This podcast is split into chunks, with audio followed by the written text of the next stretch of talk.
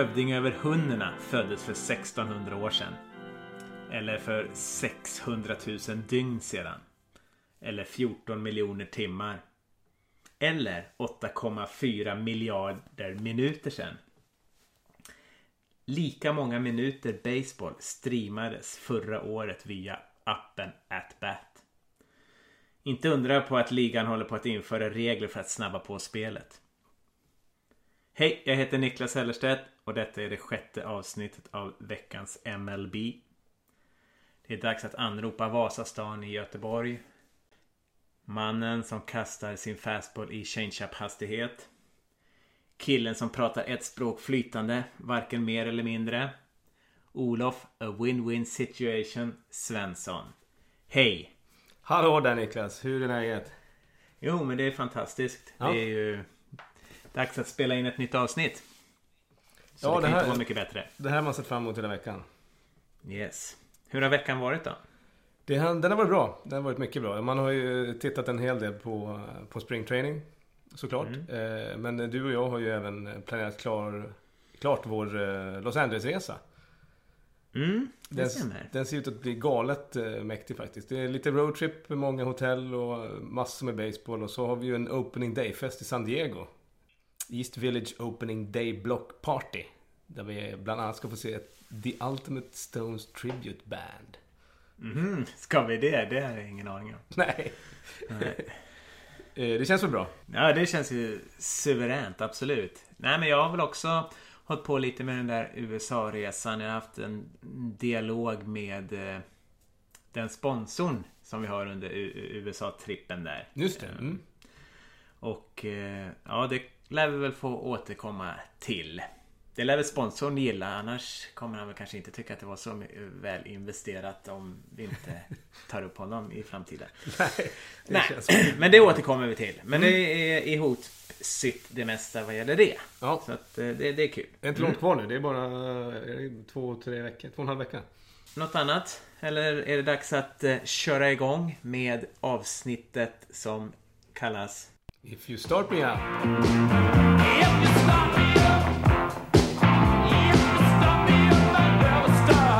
Jajamän, ja men jag kan börja med eh, att göra en pudel. Vi tog ju förra veckan upp det här med var man kunde konsumera baseball på svenska i lite sociala medier och sådär.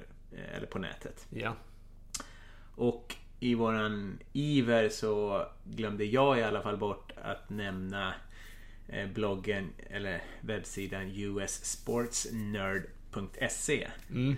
som jag tycker är väldigt bra. De är ju heltäckande. De eh, skriver ju om andra sporter också, amerikanska proffsidrotter. Men mycket baseball. Så Ja, att, precis. eh, Det, det var ju synd att vi glömde den. Ja, jag vet Men, inte vad som hände riktigt. Men eh, Det är tur att vi gör avsnitt varje vecka. Så att, ja, så har vi en pudel att göra. Det måste vi ha varje vecka. jajamän. Och Baseballcentralen på Facebook glömde vi också. De hade väl eh, den här, den här veckan någon bild på, det var väl några sprinklar som drog igång på någon springtraining-match va? Som såg lite dråpligt ut. Har du någonting som du vill ta upp på If You Start Me Up-segmentet? Ja, har, vi pratade förra veckan om eh, den nya slide-regeln här som kom till tack vare Chase Atleys eh, fula slide på Ruben Tejada. Och han fick ju två matchers avstängning för den. Men eh, nu i veckan då så kom, eh, gick MLB ut med att han, eh, han behöver inte eh, sitta ut de två matcherna utan de, de droppar hans eh, avstängning. Okej. Mm. Varför vet jag inte riktigt men oavsett så kommer det bli en intressant serie när Dodgers möter nu Mets då i början på maj. En fyra matchers serie. Oddsen på att någon kommer att planka Atli är väl inte jättehöga direkt. Eller vad tror du? Ja, eh, och med planka menar du? Ja, jo, du menar att, att pitchen då hämnas genom att eh, kasta bollen så att den träffar Atli. Eh, vi får se om det blir i huvudhöjd eller om det blir en liten skön i ryggen. Det återstår att se. Mm. Ja, det blir spännande i maj att se då vad som Mm. händer där. Mm. Precis. Imorgon är det dessutom eh, eh, Snapchat Day. Det är något lite så samarbete som eh, Major League har med Snapchat. Att alla spelarna kommer tillåtas att ha med sig sina smartphones och eh, snappa då under matcherna imorgon. Fre fredag då. Ja. Eh, och eh, det är ganska intressant för ja, man kommer komma ganska nära spelarna. Alltså de kommer få göra det i dugouten precis innan de ska gå upp och slå och sådär. Så att ja, det kommer nog vara ett ganska kul komplement till den vanliga tv-sändningen. Ja, precis. Snapchat Day imorgon eller fredag den 11 mars alltså förmodligen. Mm. När ni kanske lyssnar på det här avsnittet. Annars Men, har ni missat eh, det. Det visar ju att eh, man tar ju ändå ganska lätt på springtraining så här i början. Eh, eftersom det, det, här kommer vi definitivt inte få se under säsongen. Utan, men eh, under springtraining är ett bra sätt att närma sig fansen. På, så det ska bli kul att, att kolla upp. Mm. Ja, men Major League är ganska duktig också på att anamma just de här nya medierna och precis som jag sa i inledningen där med med den appen de har, AtBat där, är ju mm. verkligen marknadsledande vad gäller eh, sportappar. Mm. Jag har fått många priser. Nej men ska vi gå vidare? Eh, jag har eh, jag fastnat lite på den här Ian Desmond eh, när han missade det här 99 miljoners kontraktet och det. Ja, just det. Och eh, att han valde att lämna så att säga shortstop-rollen och då testa Eh, sina vingar som leftfielder i Rangers. Mm. Och visst, precis när bläcket hade torkat på det här kontraktet så eh, blev det ju så att Johnny Peralta i St. Louis Cardinals, deras shortstop, skadade ju tummen ja, ganska allvarligt. Så mm. att han är ju borta i... Ja, tror... Vissa säger till All Star Break ja, då, som precis. är i juli. Och... Han skulle gå omkring i gips i fyra veckor läste jag. Ja. Och där hade ju Ian Desmond haft en jättechans att, att få spela på den platsen där han kan och ja, var verkligen värdefull och attraktiv för Cardinals då. Så mm. att eh, Ja, lite skrattretande tycker jag det är. Lite roligt är det med de här ja, precis. 100 miljoner dollarna som jag ser så här, flyger bort från för Ian Desmond. Ja. Så det leder oss in på ja. den här veckans eh, Three Strikes You're Out. Om du är redo för lite sån lek. Jag är född redo Niklas. Ja, härligt. Och eh, då blir temat alltså vad du skulle välja att göra med 100 miljoner dollar. Okej. Okay. Vad skulle du göra för 100 miljoner dollar? Skulle du 1. Köpa 3% av New York Yankees. Mm. Eller 15% av Miami Marlins. Ja du Niklas, det får ju nästan bli 15% eh, av Miami Marlins. Jag jobbar mycket med procent nästan mm. vad gäller allt. Så att eh, vi, vi kör på det. Okej, okay, härligt. Mm. Nästa val då. Eh, vad skulle du göra för 100 miljoner dollar? Skulle du köpa Zlatan, Ronaldo och ja, någonting lite till. Eh, Bengan Andersson. Okej. Okay. Eller skulle du vaska tre miljoner flaskor bulgarisk ful champagne. Nej, jag gillar inte Ronaldo så jag tar champagnen. Du vaskar tre miljoner flaskor av bulgarisk ful champagne. Ja, det lär väl ta 50 år eller någonting. Nej. Ja. Det leder oss faktiskt in på sista valet du har. Mm. Då kan du välja för 100 miljoner dollar att bo i världens lyxigaste svit. Mm. Tills du är hundra år. Okej. Okay. Eller bjuda hela Kanadas befolkning på burgare. Jag gillar ju Kanadas befolkning så det blir burgare till Kanada. Ja, burgare till Kanada. Yes. That's all there is to the game dear. If you cheat the umpire throws you out. You cheated and you lied, you were never satisfied. You made three strikes and now you're out. Yes, vi är igång och vi kommer väl raskt in på veckans huvudämne som är National League East. Ja. Och de här divisionsgenomgångarna de sponsras ju av Swedish Birch Bats. Det är svenska slagträn av Martin Björk. Och det är ju så att vi har haft en utlottning Stämmer. den här veckan. Eh, Och det var ju sista anmälningsdag eller vad man ska säga att vara med i den här utlottningen igår, onsdag. Det är ju torsdag kväll här nu och eh, vi har ju använt en slumpgenerator och eh, fått fram en vinnare. Marcus Karlholt. Grattis Marcus. MC Hammer. Vad Yes. kul för honom! Härligt. Undrar om han spelar baseball? Det- Ja, jag vet inte. Har du något tips på vad man skulle kunna använda ett slagträ till om man inte spelar?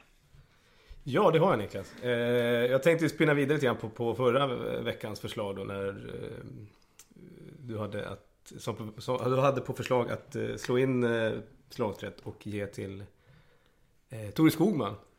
Då tänkte jag att det här blir en tvåstegsraket då, eftersom man behöver ju två. Att, eh, man kan ju ha det som Kina-pinnar till Shaquille O'Neal. Han har ju jättestora problem när han beställer Kina-käk.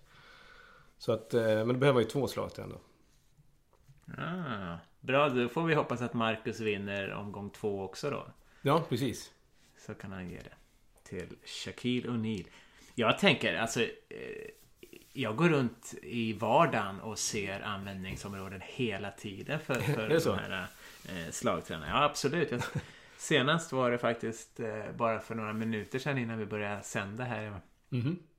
Vi har ju en katt och eh, in till toalett, toaletten hos oss här så ligger en liten sån här töntig liten gummipryl på golvet så att dörren inte ska gå igen helt och hållet. Ja, just det. Det tog mig typ tre veckor innan jag fattade varför den låg där. Men...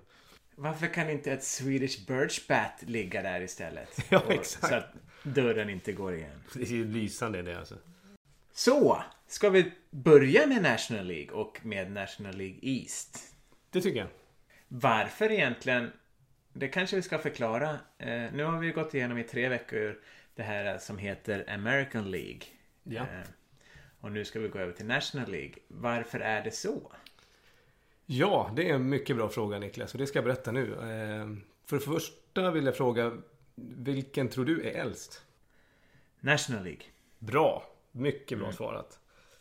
Jag vet att American League är en sån här eh, utmanarligan eller någonting sånt. Precis. Någonstans. Du, kan, du kan din baseball. Jo, det visst är det så att National League är den äldre av eh, de två ligorna och därför kallas den ju Senior Circuit. Och eh, den grundades 1876. Och ersatte då National Association of Baseball Players. Som egentligen var den första organisationen men den var ju avsedd bara för amatörer.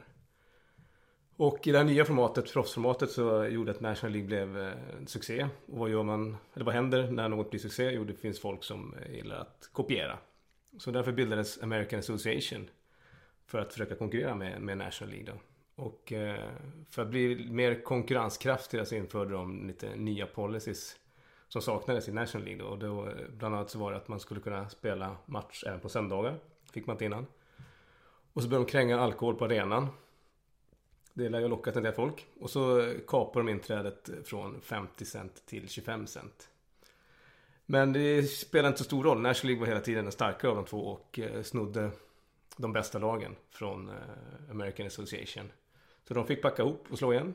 Eh, och återigen fick National League monopol som den enda ligan med Major League-status.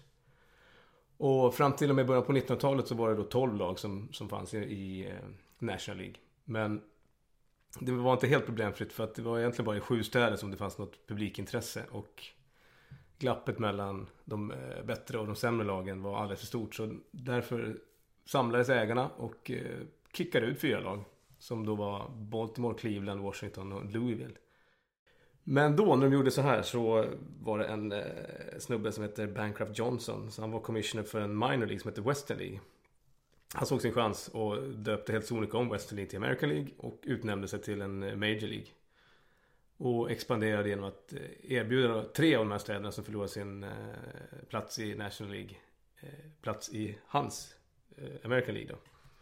Samtidigt som man etablerade nya lag i städer som redan fanns i National League då. Och där fick ju naturligtvis National League och Eh, sparka bakut och de gjorde vad de kunde för att eh, förgöra eh, uppstickaren American League. Men till sist kom man ju fram till att det var ju bättre att samarbeta. Så att 1903 skrev de på ett, eh, så kallat National Agreement-avtal som reglerar hur de här proffsligorna skulle förhålla sig till varandra. Och då kom man fram till att bägge skulle åtnjuta Major League-status och att deras respektive mästare skulle mötas i World Series. Så National League bildades 1876 och American League 1901. Och de har samarbetat sedan 1903 men eh, har hela tiden fortsatt vara separata enheter juridiskt sett, eller vad man ska säga. Men eh, 2000 insåg man att det här får måste vi göra om. Så de slog ihop det till en, till en juridisk organisation som styrs av The Commissioner of Baseball som idag heter Rob Manfred. Så att det var en, eh, en snabb eh, summering av eh, historien bakom American League och National League. Men ska vi ta oss in och grotta ner oss i National League East då? Jajamän, det tycker jag. Eh, Vilka lag ingår där? Ja du, vi utgår som vanligt från förra årets eh, slutställning där New York Mets vann sin division klart. Eh, när, redan när det var sju matcher kvar så, så clinchade de divisionen för eh, Washington och det var bara Kansas City i hela Major League som clinchade före. Eh, Vad är clincha? Ja, när man eh, vinner, när det är klart att man vinner divisionstiteln. Alltså man är så många matcher före tvåan. Eh, att det inte går att spela in det, det avståndet med de matcher som återstår. Eh, och, Det är när man poppar champagnen alltså. Precis, med skidglasögon som man gör numera. Eh, I övrigt att notera därifrån så är det att trean Miami, fyran Atlanta och femman Philadelphia alla hade fler än 90 förluster. Och där Philadelphia slutligen blev Worst Team in Baseball 2015. Man kan ju också nämna att Mets gick ju hela vägen till World Series men där tog det stopp mot Kansas City Royals med 4-1 i matcher. Vilken klubb ska vi börja med då? Vad tycker du? Ja, ska vi... Vi kan väl börja med, med Mets tycker jag. Mm, okej. Har du Eh, någonting eh, uppseendeväckande med? Nej, inte uppseendeväckande. Jo, uppseendeväckande. Men det är ju, det är ju ganska självklart att, att man titt, börjar med att titta på deras eh, rotation, alltså med starting pitchers som är så oerhört stark. Eh, och dessutom eh, så, så är det ju unga spelare. Alltså om man bortser då från Bartolo Colon då. eller Colon om han får, får starta. Eh, Mm. Och det innebär att det dröjer ett ganska långt tag innan de blir free agent. Så att om Mets kan punga upp med lite pengar så borde man kunna hålla den här eh, starting rotation intakt ett tag. Absolut. Jag eh, tittade lite närmare på just den här starting rotation för Mets. För att det är ju... Den är ju oerhört stark. Eh, jag kan inte riktigt eh, minnas att jag har sett en sån här stark uppsättning med fem starting pitchers. Och ändå så är det så att Zach Wheeler är skadad just nu. Han, Mm. Han ska väl komma tillbaka någon gång vid eh, i sommar och Mm. under tiden så kommer ju då den gamle gode Bartolo Colon eh, ingå i den här rotation då. Han gör sin 21 säsong, Niklas. Mm, det är häftigt. Det är rätt bra. Eh, men som du nämnde så är, eh, är de unga och eh, men många av dem har drabbats tidigare av skador och eh, ett litet eh, frågetecken som jag ser med dem är att alla pitchade väldigt mycket mer än vad de egentligen borde ha gjort förra året eftersom de, de- de gick så bra och eh, gick hela vägen till World Series. Ja, just det, precis. Och man brukar säga som så att eh, när, när en pitcher är så här ung så, så får man, ska man inte kasta mer än 30 inningar till än vad man gjorde året innan. Okej, just det. Eh, och eh, en starting pitcher kastar någonstans mellan 6 till 8 innings per match så att säga. Så att ja, de gjorde eh, några matcher extra som de kanske kommer få sota för i år då. Eh, nu är det ju så att Matt Harvey Mm. han har varit skadad och gjort en, en så kallad Tommy John surgery. Alltså det är en operation som görs när, när armbågen pajar. Och eh, man byter ut eh, en sena i armbågen och man blir borta i, i ett, ett och ett halvt år då. Ja. Och det är just det som har drabbat även Zach Wheeler. Mm. Eh, Steven Matz eh, gjorde också den här eh, eh, operationen. Mm. Eh, och eh, samma med Jacob the Groom. Så att alla utom Noah Syndergaard har gjort den här operationen, det här ingreppet då. Mm. När man borrar fast en ny sena. Och det verkar ju som uh, numera att det nästan uh, ingår i en pitchers karriär. Om man är duktig. Eller håller du Mm. med? Eller vet du liksom anledningarna till varför? Nej men så är det. Eh, Det är jättemånga som, som drabbas av det här och, och får, får göra den här typen av operation. Men den är ju väldigt, väldigt, väldigt många kommer ju tillbaka och blir minst lika bra som året innan. Men jag läste en artikel eh, ja, här i veckan att eh, rädslan han Noah Syndergaard har för att eh, drabbas av det här då. Mm. Ehm, och ja, det är väl inte helt otroligt då att, att han kanske får stryka med under, under säsongen. Mm. Och lägga sig på operationsbordet. Alltså, Det vore ju tråkigt. Ja, det vore jättetråkigt. Men å andra sidan då har de Zack Wheeler som kommer tillbaka så att Mm. ja. Ja, och de har ju backup-kortet eh, Bartolo Colon också som han, Mm. han verkar ju leverera trots sin eh, ålder. Eh, Mm. Men och- sen kan man trilla dit igen. Alltså Matt Harvey han satte rekord, om man nu kan prata om rekord, i flest kastade inningar. Alltså Mm. eh, första säsongen tillbaka från just den här Tommy John surgery. Ja, Han kastade 216 innings. Det är otroligt mycket mer än vad man egentligen ska. Det var ju eh, hans agent Scott Boras eh, ropar ju alltså jättehögt om att stäng ner honom. Låt han inte pitcha efter. Han har pitchat 180 innings. nej precis. Eh, det där kan man ju tycka lite vad man vill om för samma sak. Det här gjorde ju Washington om du minns 2012. Det var ju med Strasbourg. deras stora S. Ja, Steven Strasburg Mm. fick... Eh, han avslutade sin säsong när han hade kastat 160 innings. Ja, just Trots att de gick Alltså- till slutspel. De gick till slutspel. Eh, mötte St. Louis Cardinals och Mm. eh, åkte ut. Ja.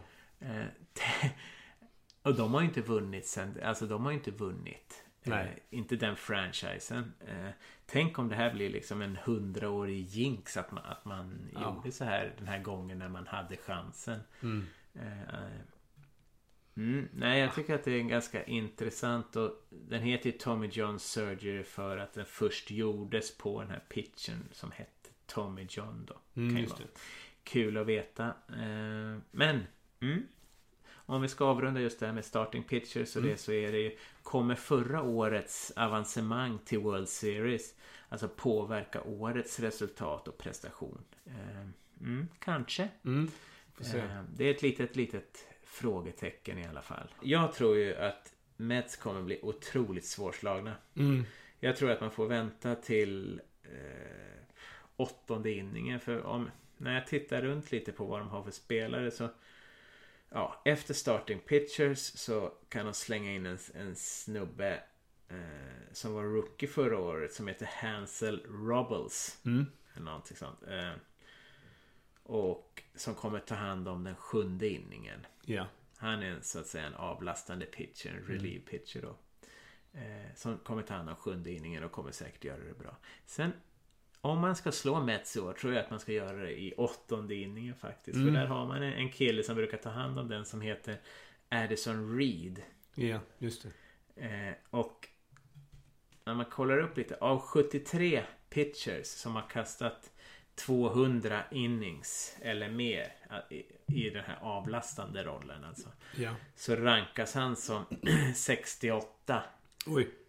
Är det alltså den svaga länken i det här årets New York Mets? Kanske. Eh, något annat hittar jag inte riktigt på dem om man ska börja liksom eh, hitta svagheter. Jag vet inte. Eh, Cespedes kommer ju få spela centerfielder i år. Mm. För de behöver ju få in han, vad heter han, Michael Conforto i line-upen och han spelar bara left field vilket är Cespedes första val Ja. egentligen. Så att kommer Cespedes funka på centerfield och då Curtis Granderson på right field, kommer Ja. det funka jättebra? Det, Det- Där kanske möjligtvis en liten, litet frågetecken då men annars så tycker jag de ser jättestarka ut. Ja, det är väl kanske på deras eh, infield defense som man kanske skulle önska lite mer. Alltså de har ju... De skeppade ju iväg David, eh, Daniel Murphy till, till Washington och eh, Mm. fick eh, Neil Walker från Pittsburgh. Och så värvade de även Asdrubal Cabrera som shortstop från Tampa. Eh, så att det är ju en uppgradering av infield men är, den är fortfarande average. Och David Wrights problem med ryggen gör att dels så kan, kanske han inte kan spela så många matcher. Och, Han eh, spelar ju på tredje bas då. Ja, precis. På tredje bas. Eh, Men då när han spelar kanske han blir en belastning eh, defensivt. Jag vet inte. Så att det är en potentiell svaghet för, Mm. för Mets. Alltså. Annars som, som jag noterade är ju att Mets och Washington i och för sig, men hade svårt mot National League Central-lagen. Och som det var förra året så är det ju troligtvis de de kommer att fightas mot i ett wildcard-race. De kan ju inte släppa, de kan, de kan inte gå 0 för 13 mot sina största konkurrenter i wildcard. Ska vi gå över till nästa lag då som vi ju har nuddat här flera gånger. Vi har pratat om Steven Strasburg och vi har pratat om Daniel Murphy som har gått dit. Alltså Washington National. No. Eh, det, det, det blir de stora utmanarna till, till Mets. Det måste man ju ändå säga. Ja, det blir som vi varit inne på. Det blir precis som, som förra säsongen. Eh, och då man tar Nationals så, så Okej, fine. Mets har ju den grymmaste starting rotation. Men Washingtons rotation eh, går inte heller, av för hackor. Alltså med Max eh, Scherzer, Steven Strasburg och Gio Gonzalez. Som är ju grymma pitchers och har en enorm potential om de får det att stämma. Eller vad säger du? Ja, absolut. Eh, vilka är det de har tappat där? Zimmerman va? Ja, Zimmerman gick till Detroit. Eh, tittar man på... Eh, heter han Scherzer? Jag vet inte vad han heter. Okej. Vi, vi kallar honom för Max Scherzer då. Så får väl någon skriva in om de har något annat uttal. Eh, alltså win-loss-mässigt förra säsongen så gick han ju betydligt sämre än vad han, eh, vad han presterade i Tigers. Men han hade dock karriärens lägsta era och lägsta whip. Alltså walks plus hits per, per inning pitched. Ja, nej men annars vad ska man säga om Nationals? Det är, Dusty Baker är ju ny coach. Mm. Han är ju jätte, jätte, jättegammal. Han eh, sparkades ju som, som coach för Cincinnati Reds för tre år sedan tror jag. Så att Mm. där trodde man ju, och även han, att, eh, att han hade lämnat basebollen. Vet du vad det var som fick honom tillbaka? Var det bara att fick han ett erbjudande han inte kunde tacka nej till? Eller? National var väl ute efter han Bud Black från Padres men det gick väl inte riktigt ihop tror jag så att eh, Mhm. eh, ja de började väl jaga då Dusty Baker och det är ju en riktig gammal Räv. räv. Ja. Han har ju varit med Han har ju dels varit coach för San Francisco Giants var han ju väldigt Mm. länge och framgångsrikt och sen var han ju även coach för Chicago Cubs när de var otroligt nära att ta sig till World Series. Men eh, kan, man, eh, kan man benämna honom som en nödlösning? Skulle du säga det? Eller? Ja, det är ingen långsiktig lösning i alla fall. Nej. Det tror jag inte att de tänker heller. Så att eh, Sen vet jag inte om han börjar bli lite, lite dement. Eller vad man skulle säga. För det är ganska roligt. Han har ju vid några tillfällen här kallat Bryce Harper för Royce Harper. Det kan, Det tycker jag man hade kunnat är förstå det om det var. Batboyen kanske. Men nu är det faktiskt National Leagues MVP vi pratar om. När eh, Dusty Baker kallar honom för Royce Harper vid ja, upprepade tillfällen. Det blir lite sådär eh, skojigt och hur står det till egentligen Dusty? Men eh, eh, Bryce Harper har ju faktiskt kontrat där med att han kallar eh, sin coach för Rusty Baker istället. Tycker jag Ja, det är mäktigt. Ja. Men det bästa rådet eh, tycker jag ändå att Dusty Bakers eh, fru kom med. Eh, Mhm. Att ja, efter de här upprepade tillfällena när Dusty hade kallat honom för Royce Harper så sa hon Why don't you just call him Harp? Det- var den enklaste lösningen, jag håller med faktiskt. Ja, det tycker jag var jättebra. Mäktigt. Eh, ja men där kommer vi in på, på Bryce Harper. För att eh, man måste ju ändå, i och med att vi pratar om eh, Mike Trout i, i förra veckans avsnitt och hur mycket han betyder för, för Los Angeles Angels så måste man ju ta upp då Bryce Harper, hur mycket han betyder för Nationals. Eh, och det är ju ganska likvärdiga spelare, alltså vad de presterar och eh, karriärsmässigt. Alltså de är bägge unga och, och ja, lovande har det passerat för länge sedan. Men de kommer ju att fortsätta bidra till sitt lag i alltså många år framöver. Då. Eh, som jag sa, Harper blev ju eh, National Leagues MVP förra året. Han hade 42 homeruns och 1,109 i OPS. Man skulle kunna säga att det är top of the notch. Han är ju, eh, ja, kanske den bästa spelaren. Han blev ju Rookie of the Year sitt första år då såklart 2012 och eh, mm. han blev ju National Leagues Most Valuable Player eh, förra året. Ja. Och han kommer bara vara 26 år då när han når sin så kallade Free Agency. Där ja. han får gå ut och eh, ja, ta anbud från andra klubbar. Och det kommer ske då efter säsongen 2018. Fatta vad mycket pengar han kommer tjäna. Alltså. Ja, alla tror ju att, eh, att New York Yankees kommer erbjuda honom mm. ett kontrakt som är värt eh, 500 miljoner dollar. ja, det är de som har plånboken. Det har så har det varit. Ja, så är det ju. Men han är ju kanske inte heller världens lättaste människa att ha, ha att göra med. Och de har ju en annan vildhjärna i, i sitt lag också. Precis, Jonathan Papelbon, closen. Det blev ett bråk förra året i slutet av säsongen där. Ja, precis. Minns du det? Eh, han rök ihop i, i dugouten med just eh, Bryce Harper. Eh, I, jag tror det var en match 27 september. Jag kommer inte ihåg vilka de mötte faktiskt. Men många trodde ju att det berodde på att, att Harper eh, hade inte gett 100% när han sprang till första bas efter att ha slagit en pop-up.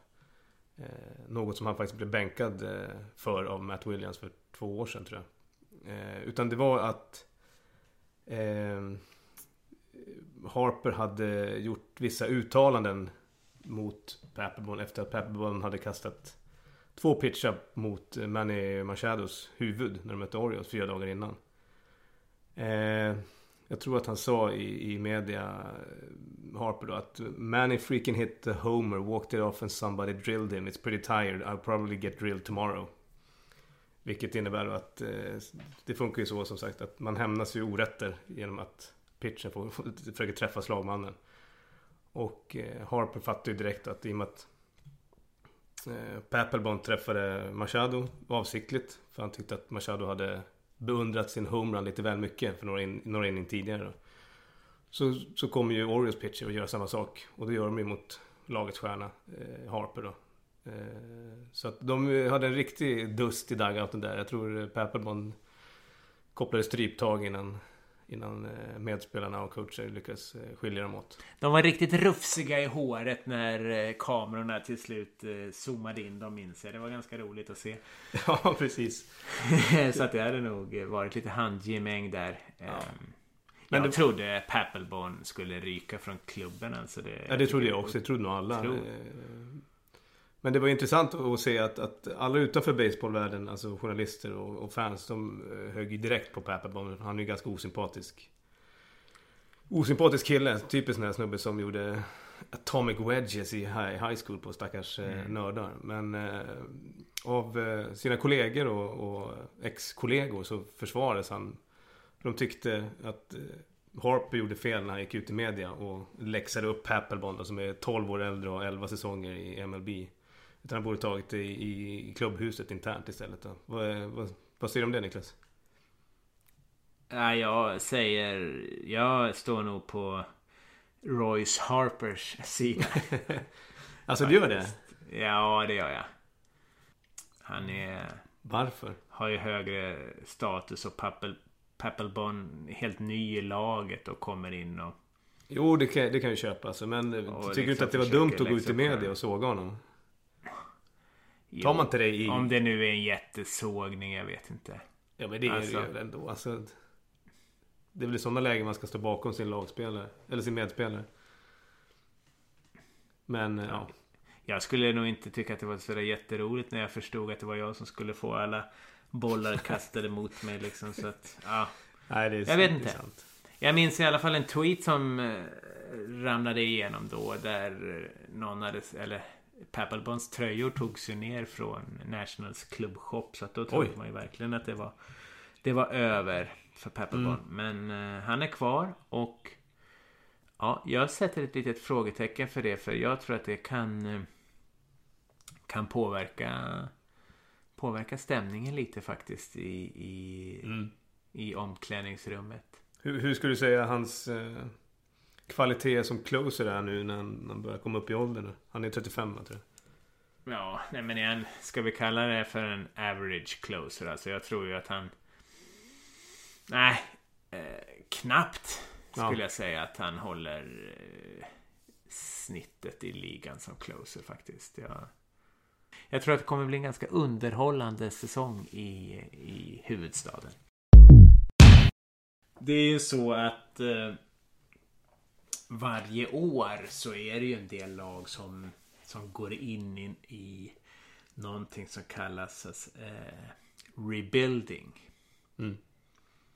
Och just nu i, eh, i hela Major League så är det väl sex lag eh, kan man väl säga som, som håller på med detta. Och eh, det är Braves, Atlanta Braves och Philadelphia Phillies i divisionen som vi pratar om idag. National League East. Sen har du Milwaukee Brewers och Cincinnati Reds i National League Central som är ja, samma sak där. Och sen ja, kanske inte riktigt lika mycket men, men som ändå inte kommer ha någonting med någonting att göra eh, är- San Diego, San Diego Padres och Colorado Rockies i National League West. Systemet funkar ju så här att ju sämre du är ju bättre draft pick får du i årets eller följande så att säga draft där man eh, väljer ut olika spelare, nya, nya unga spelare då. Mm, precis.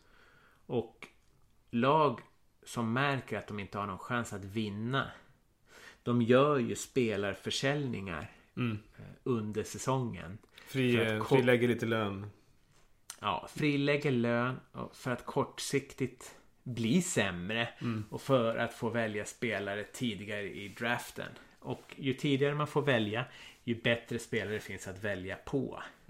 Det finns ju ett eh, annat ord för rebuilding som vi använder. Det är ju tanking. Vilket innebär att de... Ja, jag tror att det är alltså det är, det är den värre sorten. Ja, då lägger du dig. Alltså, Ja, då låter du bli att vinna. eh, Enbart i syfte att, att få bra draft picks. Ja, och det är väl alltså Houston Astros är väl ett väldigt tydligt exempel på just det här tanking. Det är väl det senaste exemplet. Alltså, då, då sålde de allt de hade i princip inför 2013. Och det året förlorade de 111 matcher. Alltså, Det det, ledde till att de fick välja spelare först i, i draften året, alltså 2014. Alltså det var också det tredje året i rad de fick göra så. Och 2012 hade de valt han som blev Rookie of the Year eh, förra året. Och eh, ja, vi pratade ju om honom i förra avsnittet, Carlos Correa. Eh, och i år är ju Houston en av favoriterna, i alla fall i American League. Eh, Ja, precis.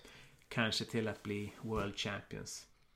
Ja, och sen så finns det ju även... Eh, alltså när man nu kränger iväg de här etablerade eh, spelarna med, med tunga löner så, så får man ju även då kanske draft picks eller eh, prospects, alltså unga lovande spelare från farmarsystemet. Mm. Nej men det är ju så Så det funkar eh, Philadelphia Phillies blev ju också anklagade för det här med tanking när de skeppade iväg Cole Hamels, Chase Utley som vi har ju nämnt och eh, Jimmy Rollins under olika delar av 2015. Precis. De kommer ju förlora 100 matcher i år. Det är ju, det är ju liksom redan klart. Ja, exakt. Eh, Men det är ju en, det är en Så lång process ja. det här, eller hur? Ja men det, det är ju en lång process. eh, Och eh, någonstans så, så ingår ju det här i, i spelet. Jag tror de räknar väl med 3 till 5 säsonger om, om man nu går in i, i rebuilding innan man... Ja, inte liksom- riktigt rebuilding mode. Ja. Mm. Precis. Sen finns kan- det ju klubbar som aldrig gör det. Yankees har ju aldrig varit inne i något rebuilding mode. De har ju den här win now mentality. Ja, exakt. Ja, de kan ju pytsa upp eh, lite mer cash och så få in rätt spelare. Ja, precis. Eh, Men, Eh, Men det är intressant också för även under de här åren när man när man håller på och bygger upp ett nytt lag så måste man ju attrahera publik och alltså varför kommer Varför går man och tittar på ett eh, så kallat rebuilding team? Ja, det är en Vad bra tror du? fråga. Nej, alltså det är väl... eh, Man har alltid gått och kollat på sitt lag och det är, liksom, det är ju inte... En match är ju inte bara eh, baseball i sig. Det är ju hela...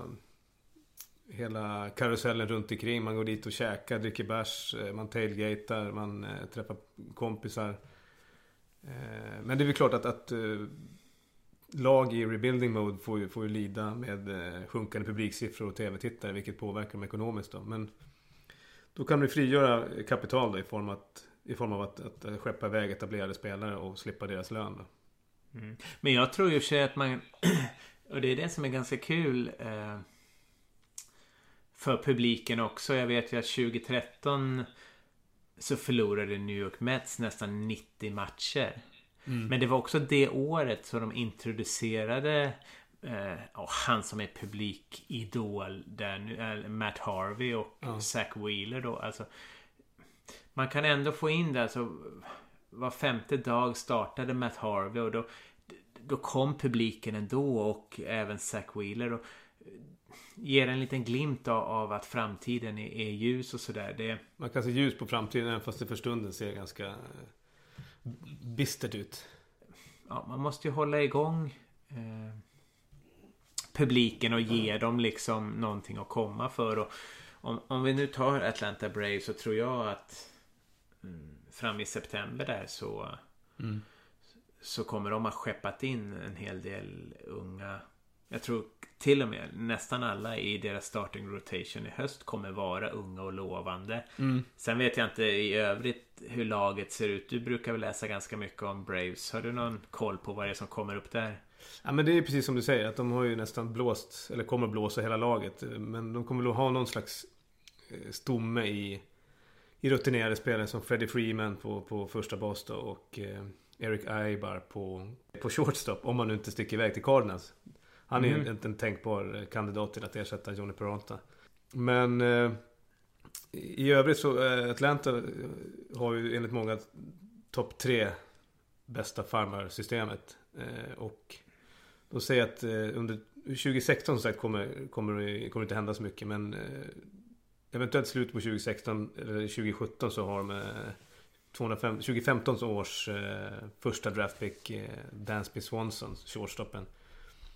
Som kommer vara redo att ta, ta klivet tillsammans med deras top pitching prospect Sean Newcomb. Eh, Vilket kommer att kanske generera fler wins. Eh, dock verkar de flesta vara klara med att, att eh, ett annat pitching prospect, Aaron Blair, kommer att ansluta redan i år. Eh, till, en, eh, till deras rotation som, som är ung och talangfull. Eh, men jag tror inte att de är redo förrän kanske nästa år börja, börja fightas och ta sig i varje fall över, över eh, 81 wins. Eh, det får vi se. Ja, nej men absolut. Och då har de en ny arena. Den här SunTrust Park som kommer ligga ganska långt utanför i, i Cobb County. Och det är en liten dispyt där för utanför deras nuvarande arena Turner Field, den arenan som byggdes till OS i Atlanta 1996 som nu ska rivas.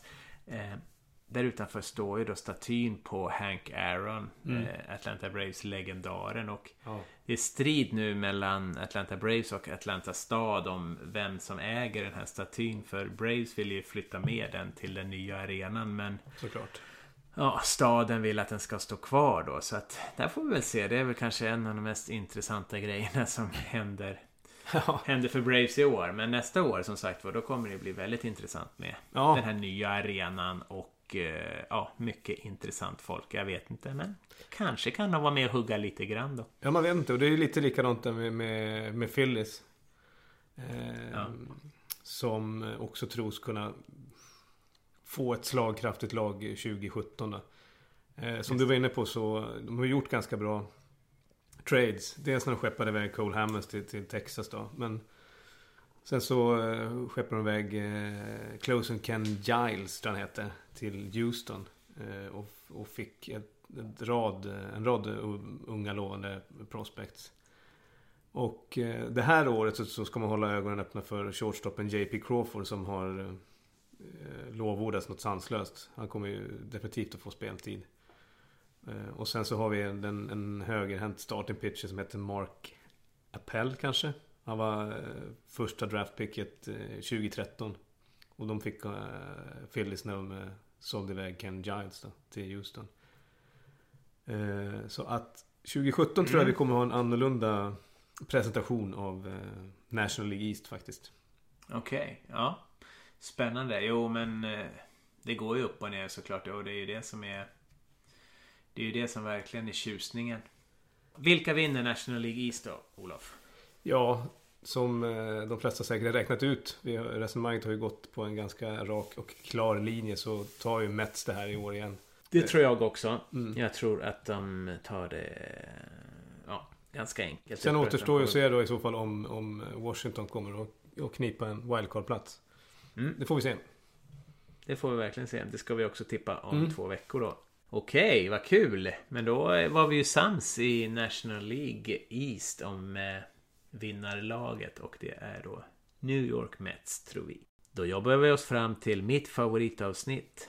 What is cooking Mr Shortstop? This is the best burrito I've ever eaten. Yum, yum, yum. This is the best burrito I've ever eaten. Yum, yum, yum. With plenty of beans and plenty of cheese and plenty of rice. Oh, isn't it nice? Yum.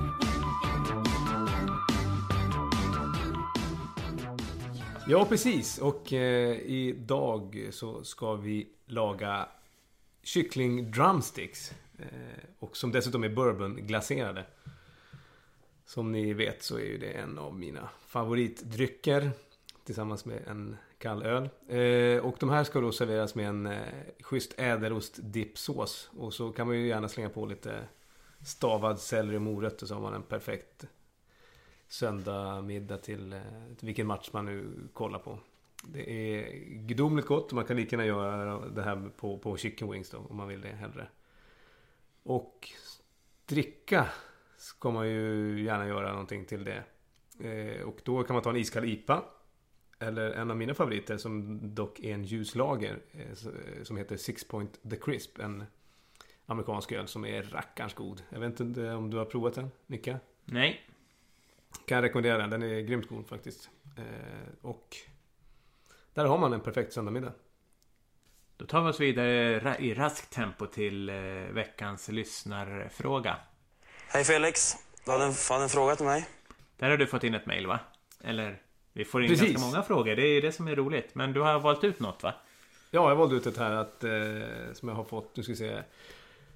Jag har sett att catchen ger tecken till pitchen innan varje kast. Varför då?